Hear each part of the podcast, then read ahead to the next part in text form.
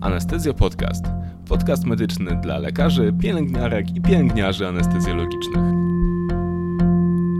Odcinek 20. Pierwsze kroki. Okołooperacyjna karta kontrolna. Zaprasza Staszek Nowak.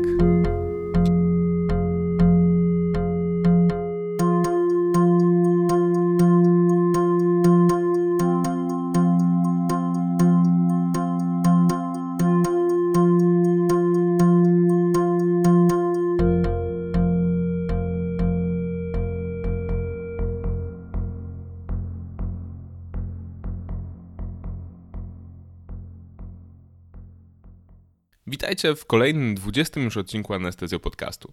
Dzisiaj kontynuujemy serię Pierwsze Kroki, która zasadniczo przeznaczona jest dla początkujących rezydentów, ale pochylenie się nad tematami, które są mniej prezentowane na pewno nie zaszkodzi też trochę bardziej doświadczonym kolegom. Dzisiaj chciałbym zająć się bardzo ważną rzeczą, a mianowicie bezpieczeństwem pacjenta.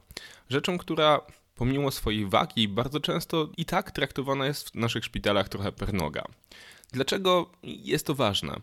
Po pierwsze, taka czysta śmiertelność pooperacyjna po dużych operacjach na świecie wynosi od 0,5% do 5%. Co oznacza, że od co 20 do co 200 pacjenta, którego operujemy, w bezpośrednim okresie pooperacyjnym nie czeka nic dobrego. W różnych miejscach na świecie komplikacji po różnego rodzaju operacjach możemy oczekiwać nawet w 25% przypadków e, hospitalizacji. W krajach rozwiniętych, do których nasz dumnie się zalicza, prawie połowa wszystkich zdarzeń niepożądanych u pacjentów w ogóle hospitalizowanych jest związana z leczeniem chirurgicznym. I przynajmniej połowie z tych przypadków związanych z chirurgią można zapobiec. Dlatego już kilka lat temu Światowa Organizacja Zdrowia wdrożyła program, który nazywa się Safe Surgery i który polega na tym, aby wdrożyć taką okołooperacyjną kartę kontrolną, która składając się z kilku punktów będzie dążyła do tego, by zapobiec powikłaniom chirurgicznym, którym da się zapobiec. WHO projektując kartę miał z tyłu głowy takie dwa główne założenia. Po pierwsze chcemy karty prostej, krótkiej, która jest e, aplikowalna w codziennym życiu. I po drugie chcielibyśmy, żeby każdy z trzech elementów tej karty mógł być zrealizowany w czasie poniżej jednej minuty, co oznacza, żeby po prostu nie zajmowało to zbyt dużo czasu. Niestety albo stety WHO zachęciło potem lokalne autorytety w dziedzinie ochrony zdrowia do tego, żeby kartę dostosować do lokalnych potrzeb. No i efekt jest taki, że karta polska jest, nazwijmy to, nieco bardziej skomplikowana od karty, która obowiązuje w większości krajów świata. Jak więc w ogóle zbudowana jest karta? Karta jest zbudowana z trzech części. Pierwszą powinniśmy wypełnić przed wprowadzeniem do znieczulenia, przed indukcją. Drugą część przed tym, kiedy chirurdzy natną skórę i trzecią część, kiedy operacja jest zakończona, ale zanim jeszcze pacjent opuści blok operacyjny. W wielu miejscach na świecie za pracę z OKK odpowiedzialny jest po prostu lekarz anestezjolog. Natomiast w, w Polsce można powołać specjalnego koordynatora karty kontrolnej, który będzie odpowiadał za to, żeby wpisać tam wszystko, co jest akurat do wpisania. Powiem Wam kilka słów o tym, jakie pytania zadajemy sobie w polskiej okołooperacyjnej karcie kontrolnej, jakie one były w oryginale, albo być może że nie było ich wcale i dlaczego właściwie te pytania powinniśmy sobie zadać. No więc po pierwsze, coś co jest tylko w polskiej okołooperacyjnej karcie kontrolnej, czyli zaznaczenie, czy zabieg jest planowy czy nagły. Czy ma to wpływ na ryzyko znieczulenia? Oczywiście, że ma. Czy zaznaczenie planowego albo nagłego realnie wpływa na to, że bezpieczeństwo operacji się zwiększa? Mam swoje wątpliwości, ale skoro już taka krateczka znajduje się na karcie, to pewnie należy ją wypełnić. Drugą krateczkę znajdziemy zarówno w polskiej, jak i w tej ogólnej karcie kontrolnej i możemy określić ją skrótowo jako wiedz, z czym masz do czynienia. Chodzi o potwierdzenie tożsamości pacjenta, miejsca operowanego, procedury operacyjnej, tego, że pacjent podpisał zgodę na zabieg operacyjny i tego, jakie znieczulenie zostanie przeprowadzone. Czasami, zwłaszcza na początku, pytanie o to wszystko wydaje się być trochę przesadzone, ale później okazuje się, że tożsamość pacjenta nie zawsze, zwłaszcza w trudnych przypadkach, jest łatwa do zinterpretowania. Kiedy pacjent jest premedykowany, kiedy jest nieprzytomny, kiedy operacja jest nagła. W tych wszystkich przypadkach może okazać się, że pacjenta identyfikujemy przede wszystkim chociażby po opasce, która znajduje się na jego ramieniu. U nas w szpitalu całkiem niedawno miała miejsce sytuacja, gdzie na intensywnej terapii leżało dwóch pacjentów, każdy z nich był nieprzytomny i obaj panowie mieli tak samo na imię, tak samo się nazywali i urodzili się w tym samym roku i w tym samym miesiącu w odstępie trzech dni. Jeden z nich potrzebował transfuzji krwi, krew została zamówiona i tylko taka duża dokładność i świadomość tego, że istnieje taki problem, pozwoliła nie podać pacjentowi krwi przeznaczonej teoretycznie do drugiego pacjenta. Kiedy na blok operacyjny wjeżdża pacjent, którego my nie znamy osobiście i nie znamy wszystkich pacjentów, którzy leżą na tym oddziale, zawsze istnieje możliwość, że ktoś gdzieś popełnił błąd. Stąd właśnie jednoznaczna ocena tożsamości pacjenta pozwoli na zoperowanie u tego, co chcemy, tego, co chcemy. Oznaczenia miejsca operowanego jest również bardzo ważne. Mimo, że wydaje się to być nieprawdopodobne, bardzo często nadal w krajach również zachodnich dochodzi do pomylenia strony, na której ma być prowadzona operacja. Dlatego oznaczenie miejsca jeszcze przed zabiegiem, kiedy pacjent jest przytomny, jest jednym z najważniejszych zadań przy operacjach na organach parzystych. Następna krateczka trochę tajemnicza. Oceniono bezpieczeństwo przebiegu znieczulenia. O co chodzi? Chodzi o to, by sprawdzić, czy twój sprzęt i twoje leki są bezpieczne. Twój sprzęt, co oznacza, że wszystko jest dobrze podłączone, że aparat do znieczulenia wykonał autotest, no i leki, czyli przede wszystkim, czy nabraliśmy te leki, które chcemy, czy termin ważności tych leków jest odpowiedni, czy strzykawki zostały opisane, albo czy przykleiliśmy odpowiednią etykietę, jeśli dysponujemy etykietami. Następna krateczka. Monitorowanie czyli EKG, pulsoksymetria, ciśnienie tętnicze krwi, kapnometria. Myślę, że to jest jasne i tego nie trzeba tłumaczyć. Następna kratka alergia. Zapytanie pacjenta jeszcze raz o to, jakie ma alergie na bloku operacyjnym jest ważne. E, niejednokrotnie zdarzało mi się tak, że dostałem pacjenta, który w czasie wizyty przed znieczuleniem nie podał żadnych alergii i alergie nie były też wpisane w kartę pacjenta. Natomiast kiedy spytałem go na bloku operacyjnym, czy ma jakieś alergie, Powiedział: Nie, nie mam. Ale kiedy spytałem konkretnie, czy kiedyś źle zareagował na antybiotyki czy lateks, nagle okazywało się, że takie alergie są, tylko pacjent nie do końca wiedział, co to jest alergia. Następny punkt, czyli przewidywane trudności w utrzymaniu drożności dróg oddechowych albo ryzyko aspiracji treści żołądkowej do płuc. Tutaj kwestia jest tego, czy pacjent jest otyły, czy ma znane problemy anatomiczne dróg oddechowych. W przypadku, kiedy są jakiekolwiek trudności, powinniśmy zapewnić właściwy sprzęt. To nie znaczy, że z tego sprzętu od razu musimy korzystać, ale w momencie, kiedy mamy pacjenta, którego intubacja jest ryzykowna i coś pójdzie nie tak, nie dasz sobie rady za pierwszym razem w laryngoskopii konwencjonalnej, to tak naprawdę nie masz już czasu na kombinowanie. Jeśli dopiero teraz zabierzesz się za to, żeby zbierać potrzebny sprzęt, żeby ściągnąć wideolaryngoskop, żeby ściągnąć zestaw do chirurgicznego zabezpieczenia dróg oddechowych, no to okazuje się, że jest już na to trochę za późno.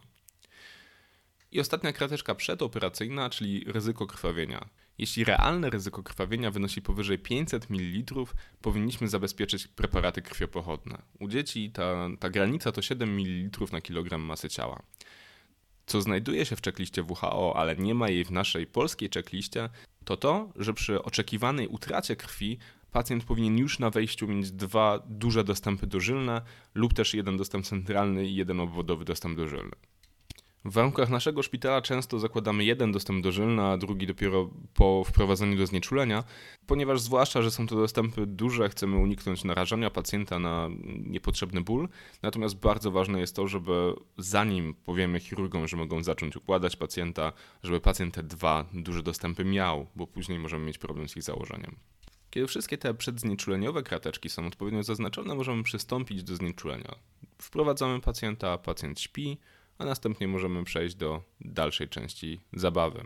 Chirurdzy obmywają pole operacyjne, obkładają pole operacyjne i są gotowi do cięcia. W tym momencie następuje tak zwany team time out, który na polskiej karcie jest z jakiegoś powodu nazwany odliczaniem. W team time out sprawdzamy, czy przy stole stoi ktoś nowy, czy wszyscy członkowie zespołu operacyjnego się znają. Jeśli nie, to wszyscy powinni się przedstawić i powiedzieć, jaką, jaką funkcję pełnią w czasie tej operacji. Następnie jeszcze raz mówimy, jak nazywa się pacjent, co będzie operowane, gdzie będzie prowadzone cięcie. Czy pacjent jest odpowiednio ułożony, a pielęgniarka operacyjna mówi, czy narzędzia, którymi dysponuje, to ten właściwy zestaw, którego potrzebuje do tego rodzaju operacji. Następnie zarówno anestezjolog, jak i chirurg powinni powiedzieć o możliwych odstępstwach od zaplanowanej procedury operacyjnej. Chodzi przede wszystkim o zmianę typu albo techniki operacji, o wydłużenie czasu zabiegu, o zmianę rodzaju znieczulenia, o oczekiwaną utratę krwi, Ewentualnie w tym wypadku też pielęgniarka operacyjna może uzupełnić zestaw narzędzi, jeśli zestaw narzędzi, które ma, jest niedostosowany do ewentualnego odstępstwa od zaplanowanej operacji. Następne pytanie dotyczy antybiotyku przed operacją. Tutaj w polskiej OKK mówimy o 60 minutach przed zabiegiem operacyjnym, natomiast zasadniczo antybiotykoterapia jest skuteczna, kiedy zostanie podana mniej więcej 30 minut przed cięciem. Dlatego powinniśmy też zwracać uwagę na to, żeby antybiotyku nie podwieszać dopiero w momencie, kiedy jesteśmy już gotowi do cięcia. Następnie pytanie o profilaktykę przeciwzakrzepową, jeśli była potrzebna, i przygotowanie wyników badań obrazowych, realnie zwykle po prostu poprzez otwarcie odpowiednich badań na komputerze.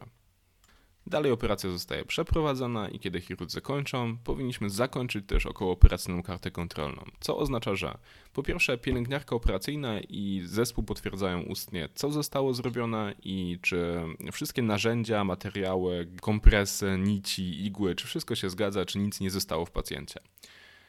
Następnie pielęgniarka powinna wziąć materiał przygotowany czy pobrany do badań i przeczytać dokładnie, co zostało na nim opisane.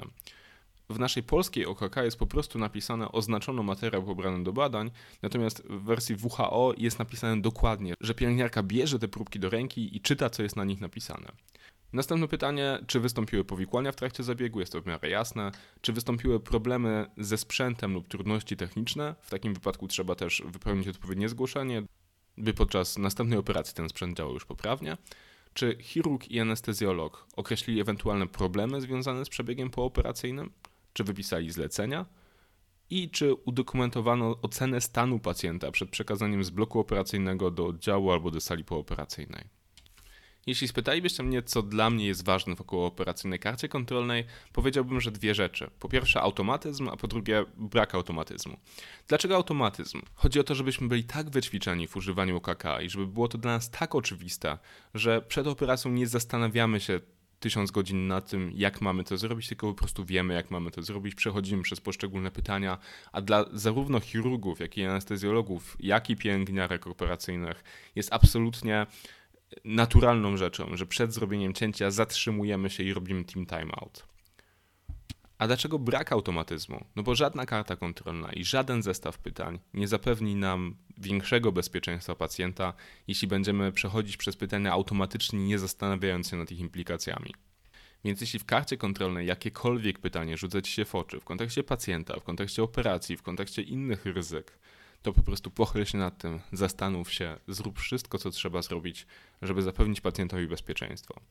Lepiej jest przewidywać trudną intubację, ściągnąć cały sprzęt, mieć dostępne różne zestawy do różnego rodzaju zabezpieczenia dróg oddechowych i ich nie potrzebować, niż potrzebować ich i w krytycznym momencie uświadomić sobie, że nie, że nie mamy pod ręką tego, co jest potrzebne, żeby uratować pacjentowi życie. Lepiej mieć skrzyżowane za dużo krwi, niż nie mieć krwi wtedy, kiedy jest krytycznie potrzebna. Lepiej wiedzieć zawczasu, że chirurdzy zakładają, że operacja może się zwiększyć, albo że bardzo prawdopodobna jest konwersja z laparoskopii do laparotomii, niż dać się potem przez taką informację zaskoczyć. No i w stosunku do okresu pooperacyjnego, również od nas zależy w dużym stopniu to, jak będzie leczony ból pacjenta.